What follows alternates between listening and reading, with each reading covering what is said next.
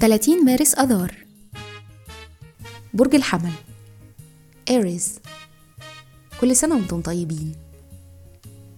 الصفات العامة للبرج القائد الرائد المتحمس المحارب المتحدي والمنافس. الكوكب الحاكم المريخ. العنصر النار.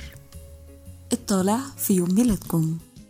رحلة الحياة لحد سن العشرين بتكونوا مفعمين بالحيوية وحب التجربة.